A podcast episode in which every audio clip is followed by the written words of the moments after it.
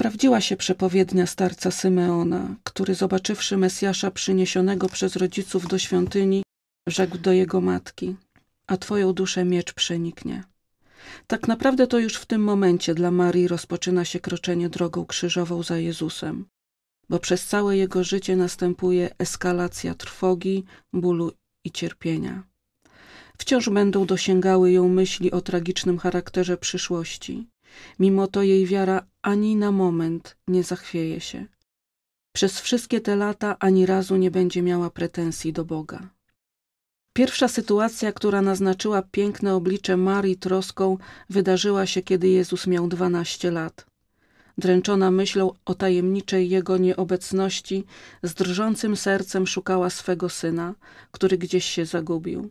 A gdy go odnalazła, bez gniewu, ale z troską powiedziała Oto ojciec twój i ja z bólem serca szukaliśmy ciebie. Ten ból poszukiwań przygotowywał ją na straszliwe cierpienie, które miało nadejść za dwadzieścia jeden lat.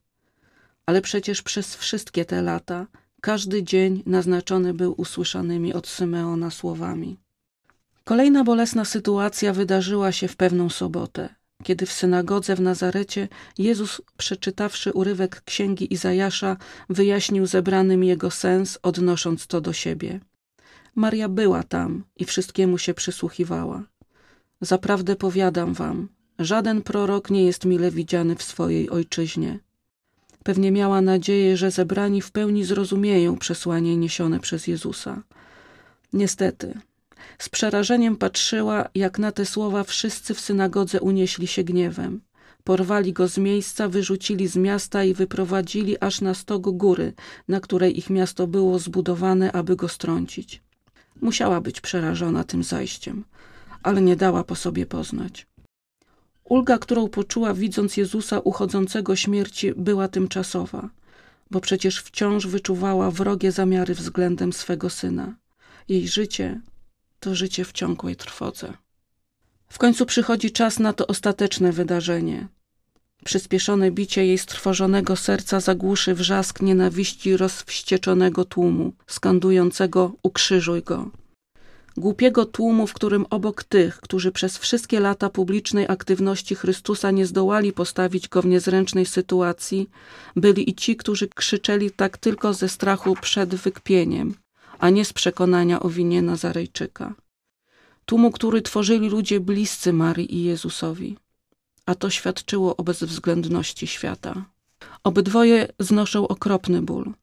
On ból fizyczny, spowodowany brutalnością i sadyzmem oprawców, a ona ból psychiczny, paraliżujący całe jej wnętrze, drażniony tumanami piasku i kurzu, unoszonymi przy każdym upadku Chrystusa wonią spoconego i rozpalonego od głębokich ran ciała i słodkiej niewinnej krwi, lejącej się z każdej zmasakrowanej jego części.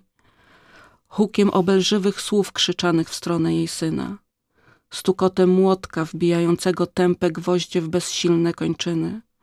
Ten ból naznaczy ją stygmatem matki bolesnej. W bólu odruchowo kulimy się w sobie, przybieramy pozycję embrionalną, bezwzględność oprawców, którzy zmaltretowane, obolałe ciało rozciągają na krzyżu, pozbawia jej syna nawet tej minimalnej ulgi. To, co Maria może zrobić w tej sytuacji, to jedynie trwać przy synu. Nie przyniesie mu ulgi dotykiem, by choć trochę ukoić jego ból. Może jedynie stłumić w sobie cierpienie, okazać synowi spokój, nie ranić jeszcze bardziej tego gasnącego życia.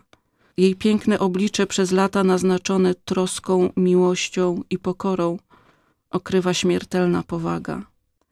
Tłem tej sceny jest cisza, bo słowa setnika prawdziwie ten człowiek był synem Bożym rozwiewają wszelkie wątpliwości rządnych sensacji gapiów. Nawet trzymając w ramionach zdjęte z krzyża zimne, bezwładne ciało syna, jej wiara pozostanie nienaruszona a scena ukrzyżowania nie napełni jej serca pretensją czy żalem do człowieka. Przeciwnie, będzie kochała go jeszcze mocniej, wiedząc jak bardzo jest grzeszny i słaby. I dlatego tak bardzo chce, by każdy z nas trwał. Trwał niezachwianie przy Bogu jak ona, przeżywszy tak bolesne i ciężkie doświadczenie, które wydawało się tragicznym końcem, a stało się radosnym wielkanocnym porankiem i nowym pięknym początkiem.